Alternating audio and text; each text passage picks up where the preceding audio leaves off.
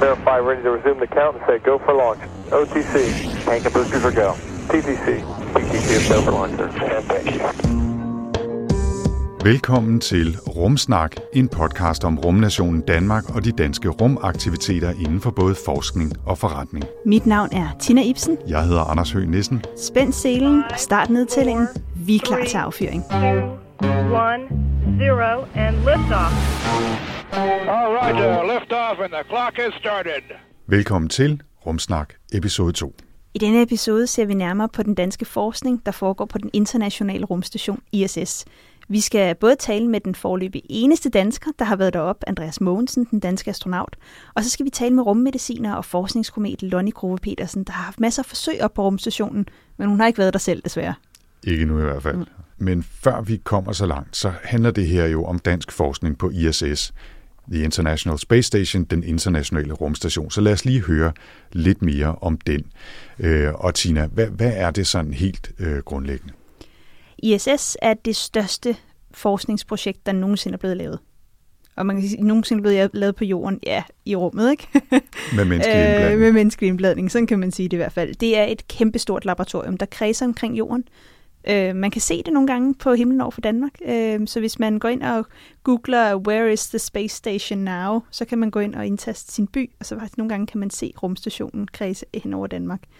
Ja. Øh, Og når vi siger, at det er det største eksperiment eller forsøg, så er det jo, det er jo fysisk stort. Der er selvfølgelig anlæg, der er større, men det er cirka på størrelse, eller øh, stationen er cirka på størrelse med en fodboldbane sådan i, i store træk, så fylder den selvfølgelig ikke lige så meget, men den er øh, 109 meter bred og, og 73 meter lang, og det er sådan, så det er sådan i den størrelsesorden, og op af, består af en række moduler osv., og, og så vejer den i øvrigt eller vil veje, hvis den var på jorden, øh, 400 tons, og det er jo også en slags penge, kan man sige, ikke? Jo, men det er faktisk sådan, hvis vi, øh, hvis vi tog rumstationen og satte den ned på jorden, så ville den ikke kunne holde sin form. Den ville simpelthen falde sammen. Så den er blevet bygget af de her moduler op i rummet. Øh, et modul ad gangen.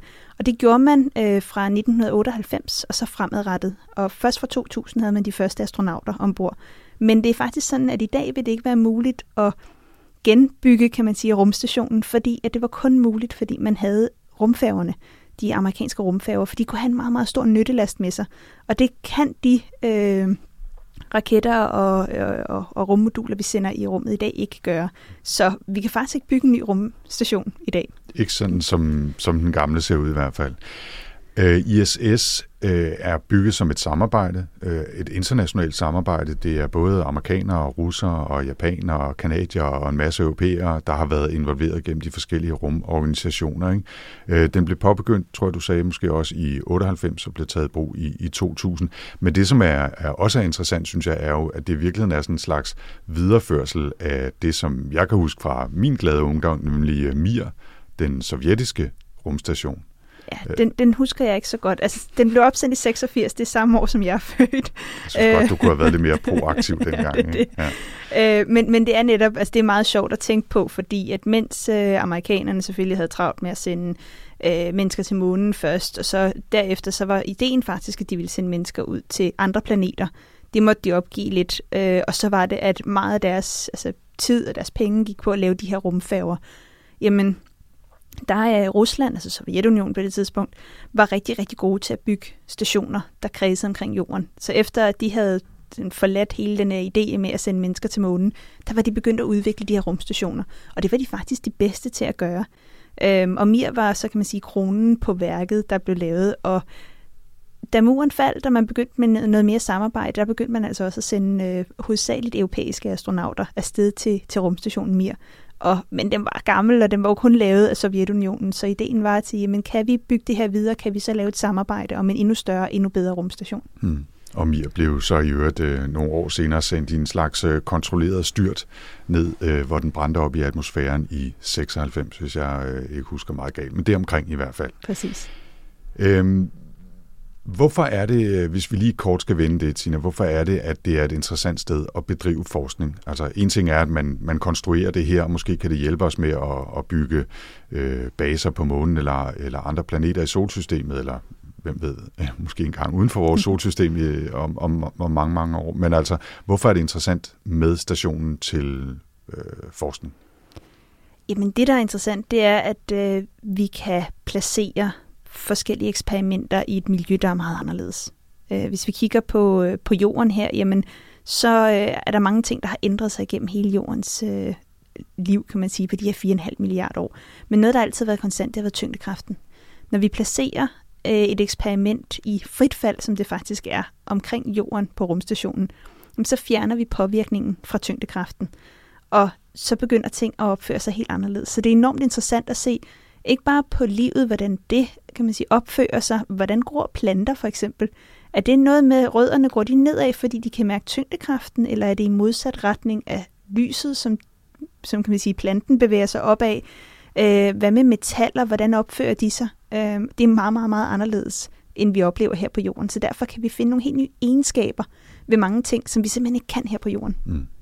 Og meget af det, som, som foregår, handler jo om, hvad det, hvordan det påvirker mennesker at være. Ikke bare i rummet, godsøjen, men også i, i den her meget lave tyngdekraft. Ikke? Øhm, og typiske missioner har jo været nogle måneder. Men, øh, men her, hvad er det for nogle år siden, i 15, der tog man hul på øh, nogle lidt længere missioner end det, jeg gik simpelthen efter at have folk deroppe et helt år. Ikke? Ja, præcis. Altså, det er faktisk den tendens, vi har set tilbage fra rumfærgerne og så fremadrettet. Så rumfærgerne, det var i 14 dage, måske en lille måned, man var afsted. Øh, så kom rumstationen, og der er det sådan blevet længere og længere og længere missioner. Nu var det sådan cirka et halvt år. Og i 2015 begyndte man på de her et år lange missioner, og det bliver nok også normen fremadrettet, at man gerne vil have de her lange missioner. Men første gang var altså i øh, 2015, hvor at øh, den amerikanske astronaut Scott Kelly og den russiske kosmonaut, de hedder noget andet, når de er fra Rusland, øh, Mikhail Konjenko, øh, de begyndte en et år lang mission. Og det er altså dobbelt så lang tid, som man normalt har de her missioner i rummet. Ja. Og det gav så også øh, ekstra mulighed for at undersøge, hvordan påvirker det menneskekroppen at være i rummet i så lang tid, fordi vi har længe vidst, at det påvirker øh, kroppen.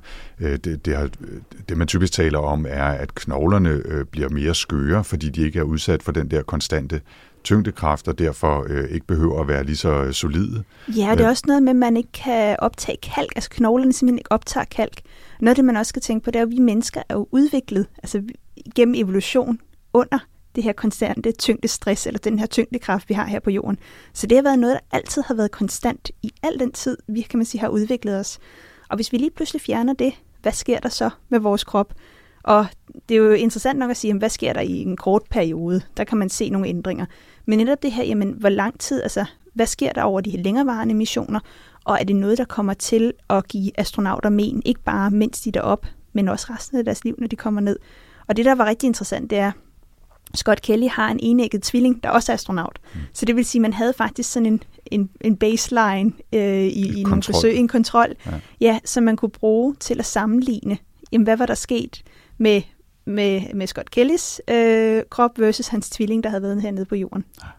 Det er, det er ret spændende, og udover det med, med øh, skelet og også muskler, som jo bliver sværere, og derfor træner de meget deroppe, så ser man også øh, ændringer i fordøjelsessystemet, og øh, der er genetiske ændringer på astronauterne, som man, som man undersøger, og en masse andet. Så altså, bare lige for at understrege det, ISS er først og fremmest en, en forskningsplatform, og det, som er i fokus for meget af den forskning, det er astronauterne, også selvom der er massevis af andre forsøg deroppe med planter og krystaller og øh, robotter og, og tusind andre ting. Men det er astronauterne, der er i fokus. Præcis. I sidste ende handler det altså om os selv og mm. mennesker, uanset om vi er i rummet eller her på jorden. Ja. Men, men udover at det selvfølgelig var rigtig spændende, de, altså de resultater, der kom fra den her mission, som stadig tigger ind, og som stadig er, den her rigtig... et år lange mission. Præcis. Ja. Øh, jamen, så gjorde det faktisk også øh, mulighed for, at den danske astronaut Andreas Mogensen fik sin første mission til rummet. Fordi det er sådan, at selvom øh, astronauterne, dem ville vi godt lade være et år i rummet, så de kapsler, Soyuz rumkapslerne, som de fragter dem frem og tilbage, de er altså kun godkendt til at være et halvt år i rummet. Så der blev man nødt til at bytte dem ud øh, halvvejs inden. Og det var faktisk, kan man sige, bund og grund det, som Andreas Mogensens mission gik ud på. Det var at flyve op, skifte øh, sæderne fra den ene øh, rumkapsel til den anden, og så tage turen ned igen. Men heldigvis havde han også tid til lige at være nogle dage på, øh, på ISS og også lave et par eksperimenter. Præcis. Og vi har uh, talt med Andreas Mogensen, den hidtil eneste danske astronaut, og han fortæller her i interviewet både om sin oplevelse og noget af den forskning, han var med til at lave på rumstationen. Jamen, jeg er astronaut ved den europæiske rumorganisation ESA. Uh, jeg har været astronaut siden 2009, så det er ja, godt og vel 10 år siden, at jeg blev optaget i det europæiske astronautkorps. Jeg har en uh, Ph.D. inden for det, der hedder Aerospace Engineering, eller rumfartsteknik, kan man mm. kalde det på dansk. Um, og så siden 2009, som sagt, har jeg været astronaut. Vil du fortælle en lille smule om din mission til, til rumstationen? Altså hvad der lå, lå før, og også selvfølgelig en lille smule om, om den tid, du var, var deroppe? Ja, øhm, altså rumstationen øhm, er jo et helt unikt øh, forskningslaboratorium, vi har i kredsløb om, øh, om jorden. Og vi laver alt muligt spændende forskning øh, deroppe. Typisk så tilbringer de fleste astronauter øh, et halvt år cirka af gangen ombord på rumstationen. Um, så vi har en masse data omkring, øh, hvad det vil sige, eller hvad der sker med vores kroppe, når vi tilbringer øh, helt op til et halvt år øh, ombord på rumstationen. Og så netop på at, ligesom at forberede os på fremtiden, øh, hvor vi gerne vil rejse længere ud i rummet, altså tilbage til månen eller øh, videre til Mars, øh, så har vi brug for at forstå, hvad sker der, hvis du tilbringer endnu længere tid i rummet, altså helt op til et år. Så 2015, øh, der i det år, hvor jeg var deroppe. Det var så første gang ombord på rumstationen, hvor øh, to astronauter skulle tilbringe et helt år deroppe. Og det var netop for at begynde at forstå, jamen, hvad sker der, når vi er derude endnu længere tid end, end bare seks måneder. Men, men Andreas, de her 10 dage, du var afsted, øh, der kan man sige, du havde ikke meget fritid øh, ombord på, på rumstationen. Øh, vil du fortælle lidt om, om de, øh, de forsøg, de øh, ja, forskningsforsøg, du var en del af, hvad, hvad synes du var det mest interessante? Jamen, jeg havde en, en en lang række forskellige øh, forsøg, altså sådan en bred vifte. Og det var alt fra de fysiologiske forsøg, som vi lige har talt om, mm. øh, og så helt over til de øh, teknologiudviklingsforsøg, som jeg også deltog, deltog i. Øhm, og der var, jamen, der var mange spændende. Øh, blandt andet øhm, et øh, forsøg på at, at, at teste noget nyt vandrensningsteknologi. Uh, øh, altså en af udfordringerne ved, rum, ved rumfart, det er jo, at det er enormt dyrt at sende noget ud i rummet. Øhm, så ombord på rumstationen, der forsøger vi at genbruge så meget, som vi nu kan. Og det betyder blandt andet, at alt vores øh, øh, vand bliver renset øh, og lavet til drikkevand igen. Men at, at, at behandle øh, den vand, øh, som skal renses og, og omdanne det til drikkevand, er, er en kompliceret proces, med, øh, der kræver energi og, og kemikalier. Øh, men der er så et dansk firma, der hedder Acroproin, som har udviklet en membran, der består af proteiner. Øh, og de her proteiner, de tillader kun vandmolekyler at passere øh, gennem membranen. Så det er en måde, hvorpå du kunne øh, rense spildvand og omdanne det til drikkevand øh, på en meget øh, man sige, billig måde øh, med hensyn til energiforbrug og, og kemikalier. Så et af mine øh, forsøg gik ud på at teste den her øh, membran i vægtløs tilstand, for at se, om det er noget, vi kan bruge i, i, i fremtiden.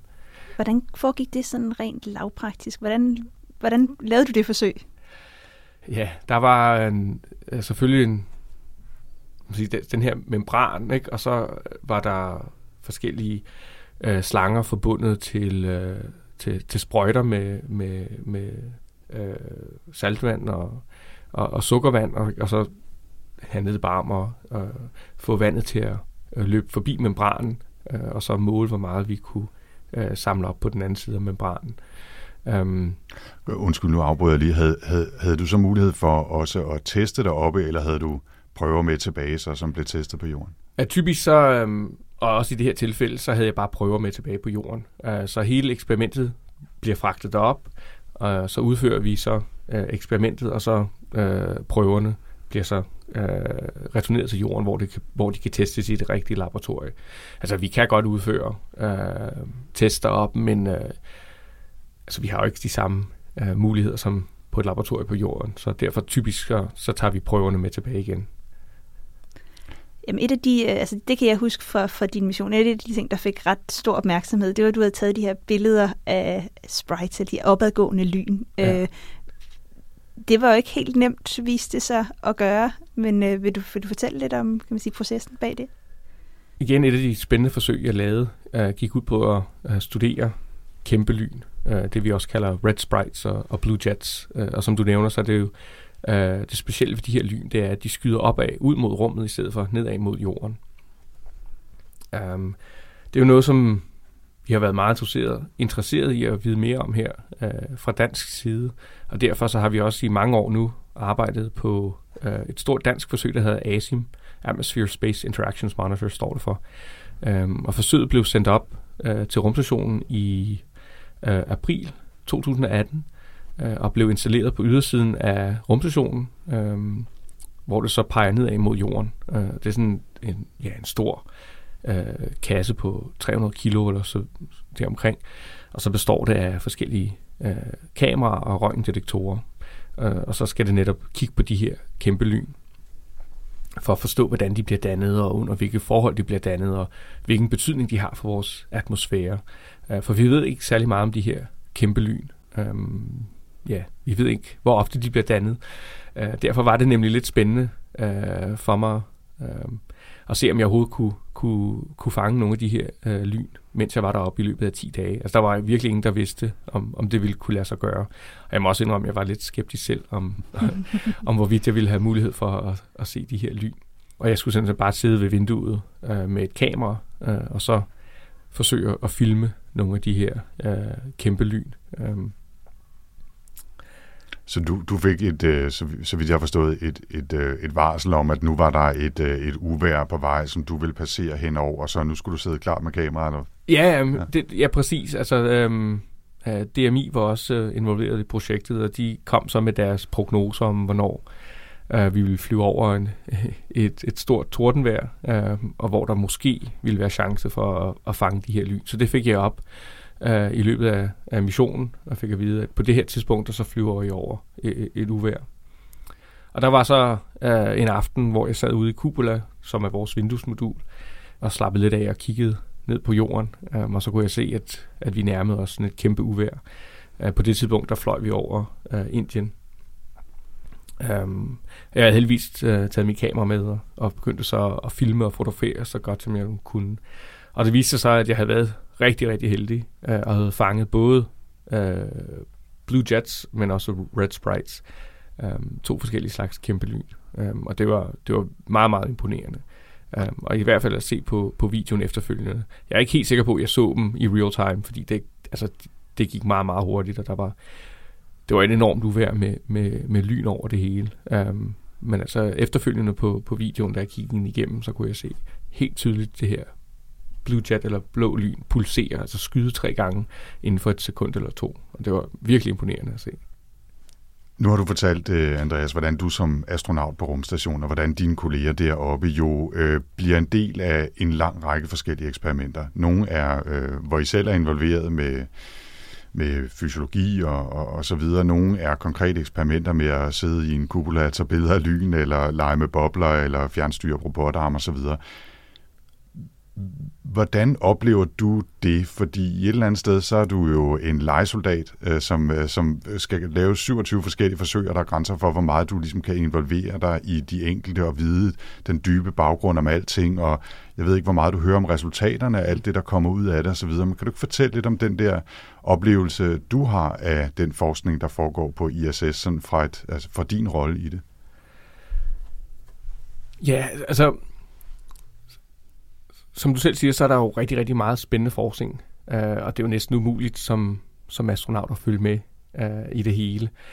Øh, netop også fordi vores rolle ombord på rumstationen er ikke som en forsker. Altså selvom vi udfører forskning, så er vores rolle mere som, som en tekniker eller laborant. Det er jo forskere på universiteterne og forskningscentrene rundt omkring i verden, som, som har ekspertisen og som kommer øh, på alle de her idéer, som så bliver videreudviklet, og så på et eller andet tidspunkt bliver det til et forsøg, som så bliver udført ombord på rumstationen. Og vores rolle, det er simpelthen bare at, at sætte forsøget op, sige, tænde for det, indsamle data, ikke? og så slukke for det og pakke det sammen. Og så vigtigst af alt, hvis der er noget, der går øh, galt, hvis der er noget, der går i stykker, ikke? og reparere det, og, og sørge for, at vi får indsamlet så meget data øh, som muligt. Um, og så bliver den, al den data bliver så sendt tilbage til forskerne, som så netop står for man sige, analysering og, og videreudvikling. Og der kan selvfølgelig gå rigtig, rigtig mange år, så det kan godt være, være svært. Men følger du nogensinde op på de forsøg, du har været med i, og tænker, hov, hvad skete der egentlig med de der vandprøver, som jeg har sendt igennem aquaporin-filtret? Hvad, hvad kom der egentlig nogensinde ud af det? Altså, har du og, og tager Jamen, du altså, til det også? netop fordi, øh, netop fordi det er vigtigt at, at fortælle historien om, om rumstationen og, og alt det, der sker deroppe, og hvorfor den forskning er så vigtig, så udgiver NASA, ESA og, og vores andre internationale partnere hvert år vil man et, et, et tidsskrift eller et, et hæfte, hvor vi gennemgår alle de største øh, forsøg og resultaterne fra dem. Um, og det er spændende læsning. Um, så det er, men det er som sagt, når, når, når de bliver publiceret, at jeg, hvis jeg har lidt tid, jeg lige kan læse om det. Hmm. Hvilke muligheder er der for dig for at komme afsted igen, og er der nogle særlige ting, du kunne tænke dig at lave, hvis du skulle afsted igen? Øh, altså først og fremmest skal man sige, at øh, fremtiden er jo rigtig, rigtig spændende i øjeblikket. Um, ikke alene har vi rumstationen, som formentlig vil fortsætte, i hvert fald i de næste 10 år, vil jeg gætte på. Men samtidig nu er vi jo gået i gang med at øh, må sige, udvikle det, der så kommer efter rumstationen. Den her Gateway-rumstation, som skal i kredsløb om månen. Og så vil vi også begynde at arbejde på at, øh, at sende mennesker tilbage øh, til månens overflade. Så det er en, øh, en meget spændende tid i øjeblikket, øh, og jeg håber, som du siger selv, at, at komme på øh, en mission i rummet igen. Det bliver formentlig øh, tilbage til den internationale rumstation, selvom der er en lille chance for, at det kunne blive en, en mission til månen. Men øh, formentlig til den internationale rumstation. Jeg har ikke nogen konkret dato endnu, men øh, jeg vil gætte på, på et tidspunkt mellem 2022 og, og, og 2025 øh, vil det lykkes.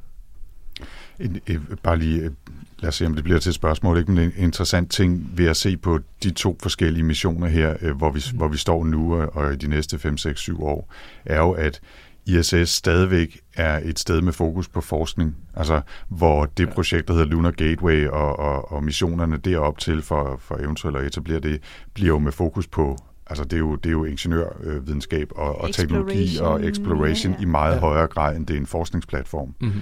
Øhm, og ja, der er som sagt ikke rigtig noget spørgsmål, udover at det var et, en, en kommentar. Det er, jo, det er jo to meget, meget forskellige måder at være astronaut på. Altså enten at skulle op og være som du sagde, øh, laborant eller tekniker, og ja. måske lave nogle forsøg på sig selv, så skal man altså nu være en, der styrer et fartøj og, og undersøger det fartøj for fartøjets egen skyld, kan man sige. Man kan sige i hvert fald i, i starten under testflyvningerne, bliver det jo selvfølgelig meget, øh, bliver missionerne meget fokuseret på omkring teknologien. Um, men um, når, når Gateway først er færdigbygget i midten eller slutningen af 2020'erne, så vil det jo også være en, en en rumstation, ligesom den internationale rumstation er det, hvor vi også kan udføre forskning. Og det er også meningen, at, øh, at øh, meget af den forskning, vi i dag laver ombord på ISS, den vil så fortsætte øh, ombord på, på Gateway. Ja, og det var selvfølgelig altså her øh, Andreas Mogensen, som jeg bare må sige, det var super spændende at have i studiet. Han er jo ikke oppe på rumstationen længere, men det betyder ikke, at han går og keder sig eller sidder på hænderne. Hvad laver han egentlig i dag? Altså han er jo stadigvæk øh, engageret i øh, rumprogrammet, kan man sige. Ja, så Andreas er stadig ansat som ESA-astronaut, øh, men han er så på udlån hos NASA, så han øh, arbejder over i Houston i Texas øh, i USA. I Hovedsageligt så arbejder han i det, der hedder Capcom, som er i deres Mission Control, hvor han sidder og har øh, og står for kommunikationen til astronauterne. Så fordi han har prøvet at være deroppe selv, han ved, hvad det vil sige at stå derop. Øhm, så derfor er han sådan lidt et mellemled mellem forskere, NASA og så de astronauter, der er oppe på rumstationen. Og jeg ved ud over det, så noget af det, han har trænet rigtig, rigtig meget, det er rumvandringer. Fordi øh, i, altså på Johnson Space Center i Houston, der har de sådan et kæmpestort svømmepøl, hvor de har en, en sådan et modul af rumstationen nede i, i swimmingpoolen, hvor de så kan træne rumvandringer. Så de får rumdragter på, så er det sådan lidt eller vægtløs at være ja, dernede. Og, og, og flyde i vandet, eller bevæge sig ja, i vandet. Præcis. Lidt, ja, øh, og så også bare det der med at vende sig til de her rumdragter, fordi man skal tænke på, jamen, du har et højt tryk inde i dragten, fordi der har du kan man sige, en atmosfæres tryk. Og det vil altså sige, når der så ikke er noget tryk uden fra, fra rummet, jamen, så gør det det enormt svært bare det her med at og, og, og lukke fingrene sammen. Så hvis der er nogen, der har prøvet at dykke i tørdragter her på jorden, så har man sådan lidt en idé om, hvor stift det er, og det har så bare meget værre. Mm. Så det er noget, det han træner rigtig meget, og man kan sige, man kunne håbe på, at han kunne få en rumvandring på sin næste mission. Det er jo ikke alle astronauter, der har det, eller får det, men nu er han i hvert fald ekspert. Det håber vi. Vi krydser fingre, vi krydser fingre på, på Andreas' vegne. Og apropos det med at være astronaut, og øh, han forløbig er den eneste danske, så er det jo astronauter ikke bare noget, man lige går ud og bliver, vel? Altså, jeg har drømt Nej. om det i mange år, øh, og, og jeg er ikke blevet det endnu, og jeg vil sige, at chancen for, at jeg bliver det, er nok øh, hastigt svindende, ikke? Men, men hvad skal der til for at blive astronaut? Altså, du har jo snydt lidt og talt med Andreas om, øh, om nogle af de ting, man skal kunne. Ja, altså jeg har, jeg har aldrig selv gået med drømmen om at blive astronaut. Jeg kunne godt tænke mig at komme i rummet, men det der med at være astronaut, det, det tror jeg måske ikke lige er noget for mig. Okay. Hvilket Andreas han også bekræftede, da vi talte sammen. Fordi man kan sige, som missionslængderne også er blevet længere, så kræver det også, at man er gået fra at have de her, kan man sige, øh, udforsker-typer, all-American heroes-typer, ikke? Altså som man kender fra, fra Sådan nogle, månelandingerne, sådan nogle ikke? crazy typer, der i virkeligheden bare var testpiloter og Præcis. ikke var bange for noget. Ikke? Ja, præcis. Så det var sådan det første. Øh, og de fungerer måske meget fint på de her øh, banebrydende nye missioner, men når man begynder at skal være et halvt år i rummet, og et eller andet sted skal gøre, hvad der bliver sagt fra jorden, så er det en helt anden type menneske, man skal være. Øh, og Andreas, han, han fortalte om det her, øh, de var blevet udsat for, da han var i, i nogle af alle de her test, for om han kunne, kunne komme igennem ikke, og blive astronaut. Øh, hvor de blev præsenteret for en talrække, hvor det simpelthen blev læst op øh, med en masse tal. Og lige så snart, at, øh, at talrækken, altså de stoppede med at læse op, så skulle man så gengive talrækken, men i omvendt rækkefølge, så fra det sidste tal og så frem. Mm. Eller så tilbage, kan man sige. Og det var ret interessant, fordi jeg tænkte, Nå, jamen, hvor mange kan man egentlig? Og som Andreas, det var egentlig lige meget. Fordi det handlede ikke om, hvor mange tal man kunne huske. Det handlede om, man kunne finde ud af at stoppe, når man ikke kunne huske flere. Så det her med, at man kender det godt for sig selv, ikke? Om du skal huske så og så mange, så på et tidspunkt så når man dertil, hvor man begynder at gætte. Øh, og det vil de ikke have i astronauter. Altså, at humlen er, at man skal være selvbevidst og selvsikker nok i virkeligheden til at indrømme, at nu ved jeg ikke længere. Altså, og, jeg, Præcis. og jeg kan ikke gætte, fordi hvis jeg gætter og siger forkert, så kan det få så kan det få fatale konsekvenser, ikke? Ja, Ja, øh, som kan være virkelig, virkelig alvorlige. Ja. Øh, og det var meget sjovt, men så kom jeg også til at tænke på, okay, hvordan ville jeg selv have været i den situation?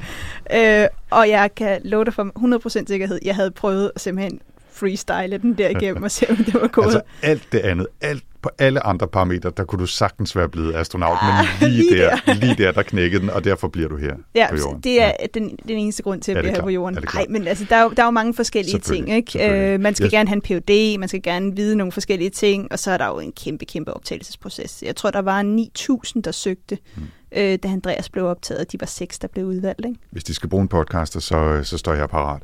Øh, Jeg tror desværre ikke, det står højt på, på listen. Jeg siger bare her, øh, som, som en lille parentes, at, at øh, i takt med, at vi begynder i højere grad også at tale om længere missioner og også baser på månen eller Mars, så har meget af, mange af de her forsøg, hvor man har lukket folk inde i et stykke tid, har jo basalt set handlet om folks evne til at være sammen med andre mennesker på meget lidt plads i meget lang tid. Ikke? Jo. Og, og selvfølgelig har man noget erfaring fra ubådsmissioner gennem årene, øh, men man har jo også lavet specifikt forsøg, hvor man har lukket folk ind i store kloakrør basalt set for, øh, i et år for at se, øh, hvordan det går. Det er ikke altid, det går godt. Så de der det er sociale det nemlig. kompetencer er faktisk også vigtige, ikke? selvom man skulle tro, at, at fokus var på, om man kunne flyve noget, eller, eller havde en Ph.D. eller et eller andet. Ikke? Så. Jamen præcis, altså noget af det, man virkelig taler om nu, det er, at den største udfordring bliver, om vi mennesker kan være indlukket på så lidt plads i så lang tid ad gangen. Forløbig har vi været lukket ind i det her øh, podcaststudie et stykke tid, men jeg synes, det går meget godt. Det går meget godt, ja. Det, det kan vi godt finde ud af. Okay, it's a nice ride up to now. Nå, vi skal videre. Øhm, vi har lige hørt Andreas fortælle om nogle af de forsøg, han har været involveret i oppe på ISS, men han er jo langt fra den eneste dansker, der er involveret i den forskning, der foregår, selvom han er den eneste, der har været ombord. Ja, for hver gang der sendes en astronaut op, så er der et hold af forskere, der står bag. Det er jo ikke bare astronauten, der sendes op og siger, så kan du lege et halvt års tid, øh, og vi ses, når du kommer tilbage til jorden. Øh, men der er mange forskere, der, der gerne vil have forsøg med. Det er svært at få forsøg op på rumstationen, så derfor er konkurrencen meget stor, og det er, altså, der er nogen, der arbejder i 5-10 år på at udvikle øh, et forsøg, som så skal med op. Ja, vi har talt med, med endnu en dansker, som er en af de her forskere, der har forsøg med på rumstationen. Det er Lonnie Grove Petersen, som er læge og forsker. Hun arbejder ved øh, University of California San Diego som rummediciner, men hun arbejder også på en række forskellige projekter, både for øh, NASA og for ESA, gennem at hun er affilieret med Københavns Universitet.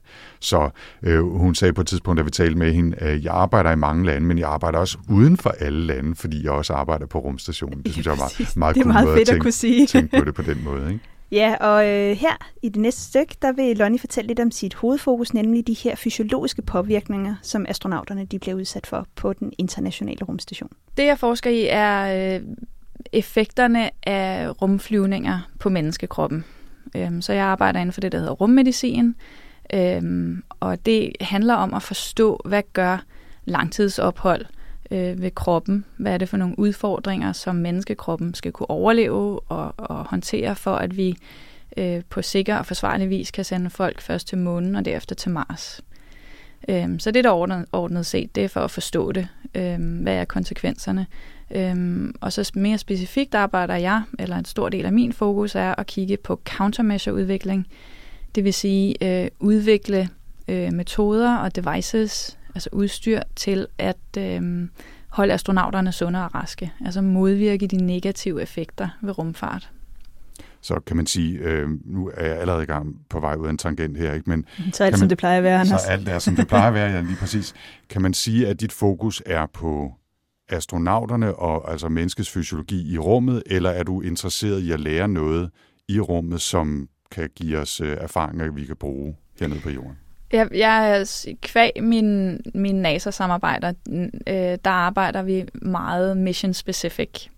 Så øh, det er sådan, at de, de fleste af de ting, vi laver, er målrettet at finde ud af, hvad gør rumfart, eller hvad gør ophold i rummet ved kroppen, og hvor, hvor, hvor, øh, hvor alvorligt er det. Så man klassificerer de risici, der er. Og når de så er klassificeret, så angriber vi de største risici. Og der sætter man alt fokus ind. Så det er meget mission specific, når man arbejder for NASA. Men inderst inde er jeg jo først og fremmest læge. Så en stor del af mit eget personlige fokus, det er at finde måder, hvorpå jeg kan bruge den viden, som vi, vi får fra astronauterne og for det arbejde, vi laver øh, i rummet, og applicere det på mine patienter her på jorden. Fordi i mit hjerte er jeg først og fremmest læge. Og nu siger du, du oprindeligt er uddannet læge, Lonnie. Hvordan går man fra at være uddannet læge til så lige pludselig at blive rummediciner? Ja, altså det er jo ikke fordi, det er et stort skridt, hvis jeg skal være helt ærlig, fordi at... Øhm, altså, ja, jeg startede jo på at lave rummedicinsk forskning, eller var interesseret i det, øh, tilbage fra gymnasietiden, øh, og begyndte dengang. Og i virkeligheden så var det at tage en lægeuddannelse et, et øh, bevidst valg, fordi det var et godt værktøj for mig for at kunne lave rummedicinsk forskning. Jeg har også, udover at være læge grunduddannelse, har jeg en, en, en Ph.D. i rummedicin. Øhm, så den hjælper mig jo.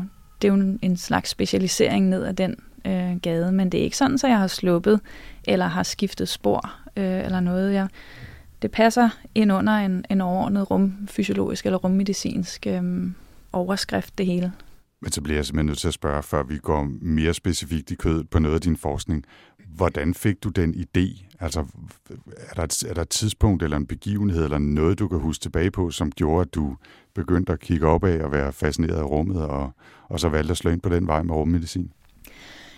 Ja, det er et godt spørgsmål. Jeg kan ikke huske øh, et tidspunkt, hvor jeg ikke har været fascineret af rummedicin. Øhm, og det tror jeg ikke er særlig unikt faktisk. Jeg tror, at de fleste børn har en fascination af rummet og rumforskning, og så er der nogle af os, som bare ikke evner at slippe den, eller som aldrig vokser fra det.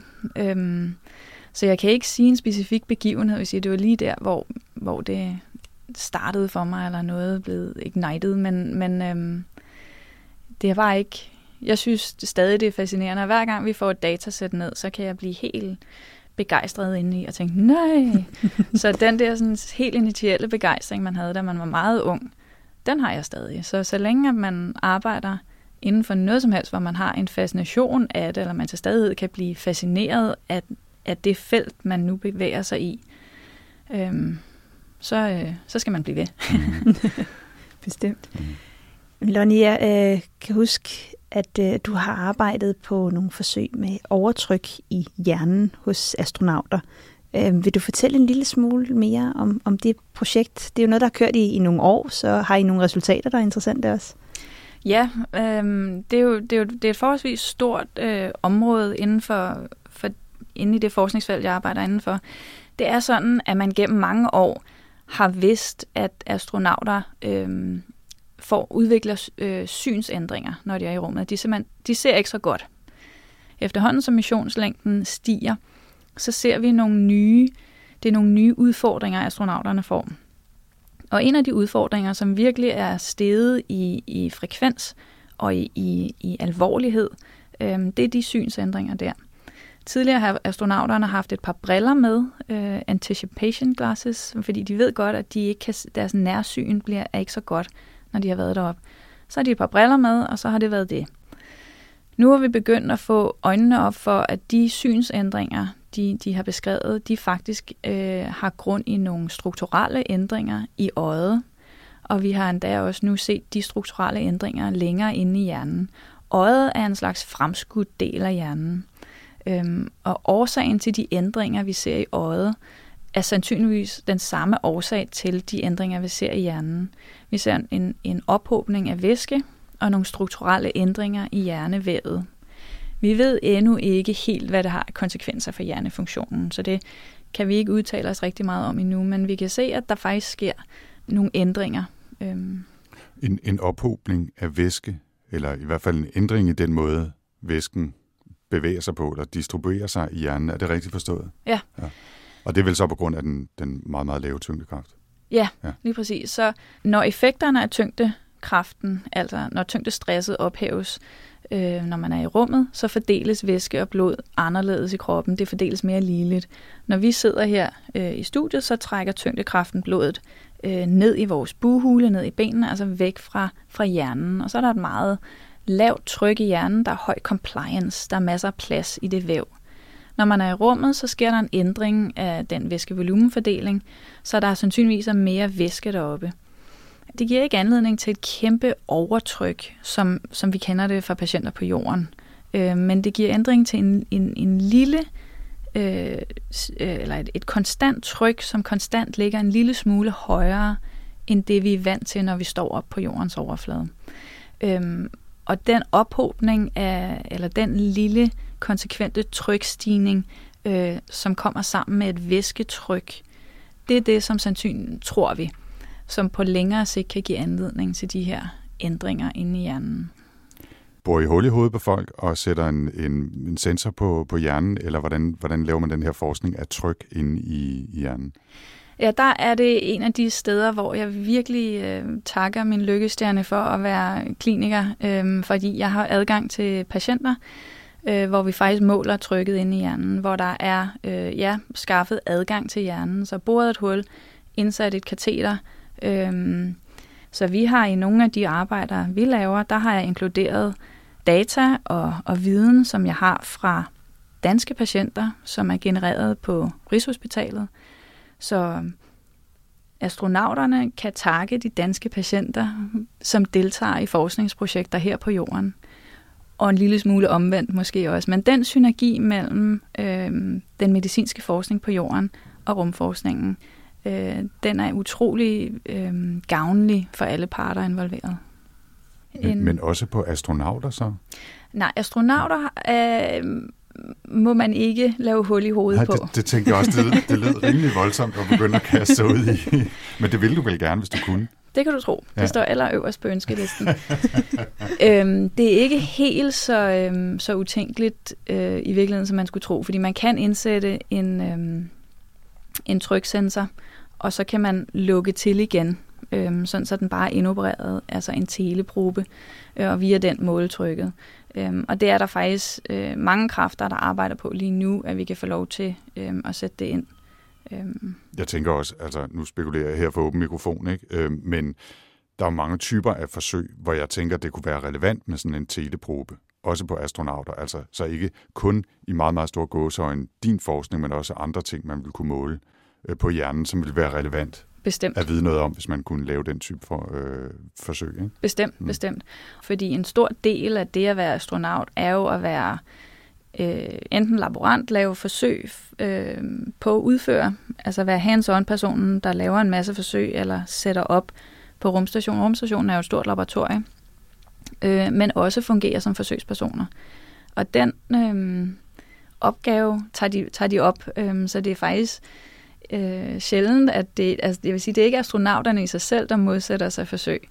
Øhm, det er mere, at vi skal kunne være sikre på, at vi kan gøre alting forsvarligt. Astronauter er parat til at gøre hvad som helst?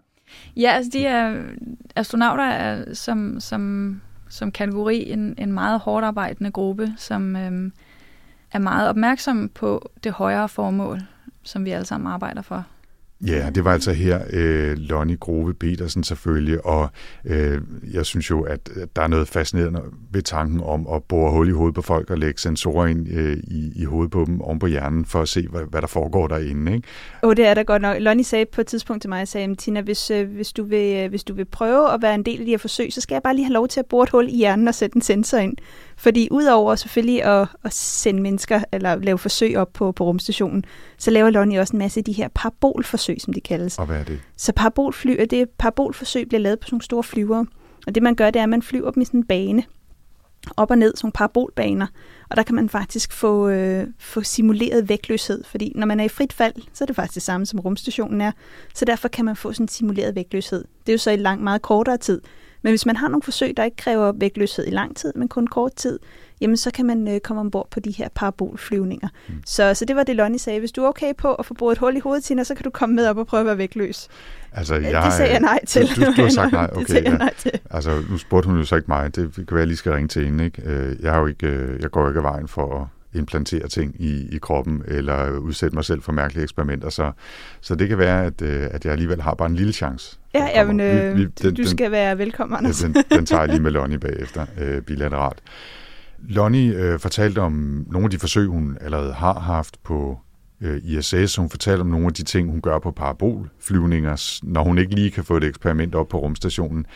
Noget af det, som vi ikke nåede at få med her i, øh, i interviewet, var, at hun fortalte også om sit arbejde med et dansk firma, der hedder Omatex, som laver sådan et tekstil med indbygget sensorer, altså som giver mulighed for hele tiden at få data om, hvordan øh, en astronauts krop har det, hvis man altså har det her øh, tøj på, som er lavet af det her smarte tekstil. Og det kan man bruge på mange måder. Jamen det kan man. Altså det, det er rigtig smart i forhold til netop, at man gerne vil følge astronauters øh, kroppes udvikling, eller man kan sige sådan nærmest forfald, ikke?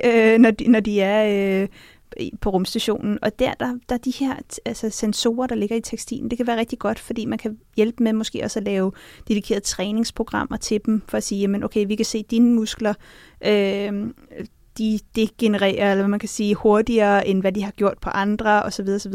Og derfor kan man, kan man i højere grad være ops på, hvad der sker ved astronauternes kroppe. Så Lonnie har gang i øh, rigtig mange forsøg, både på rumstationen og andre steder, men hun er slet ikke færdig. Øh, her fortæller hun mere om sin forskning i fremtiden, både på ISS og på, hvad der eventuelt kommer efter. Det korte svar er, at det ved jeg ikke. Og det er fordi, det er der ikke nogen, der ved. det er ikke, det er ikke, vi kan alle sammen gæst, gætte og gisne og, og sige, hvad vi håber. Men det ser ud som om, at den, den måske får det mere kommercielt præg, øhm, eller kommercielt brug, øhm, efter 2024.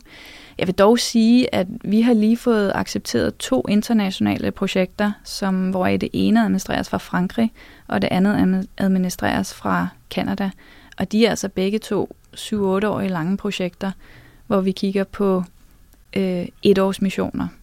Øhm, og de er finansieret øh, fra NASA's side af, øh, og det kanadiske rumfartsagentur er med indover, og det franske rumfartsagentur er indover. Så, så der er masser af planer, og der er masser af udvalgte projekter, og, og vi klør på. Øhm, Så der er noget, der tyder på, at rumstationen får lov til at overleve over 2024.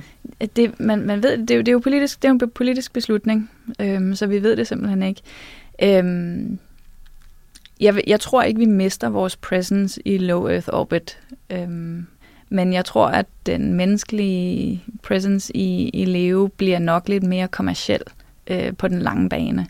Øhm, en anden presence, vi jo kommer til at overtage rigtig snart, er, er kredsløb omkring månen. Øh, så den lille rumstation, som kommer i kredsløb omkring månen, den udvikling er jo gået meget hurtigt, øh, så det bliver en realitet.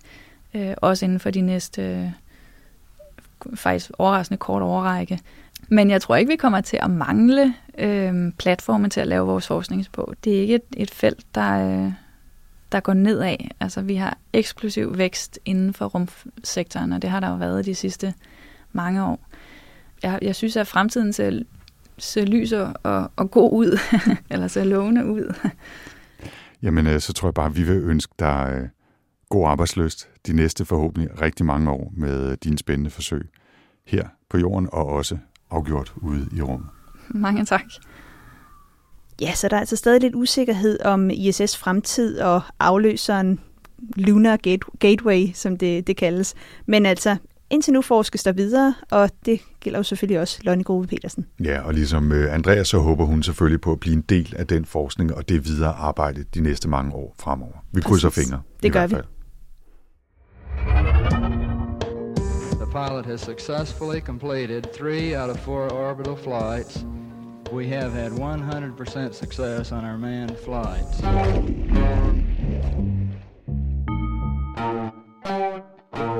Og med det er Rumsnak landet for denne gang. I næste episode, episode 3, der ser vi nærmere på den danske forskning i sorte huller. Vi håber, I vil lytte med igen her i Rumsnak, podcasten om de danske aktiviteter i rummet. Ja.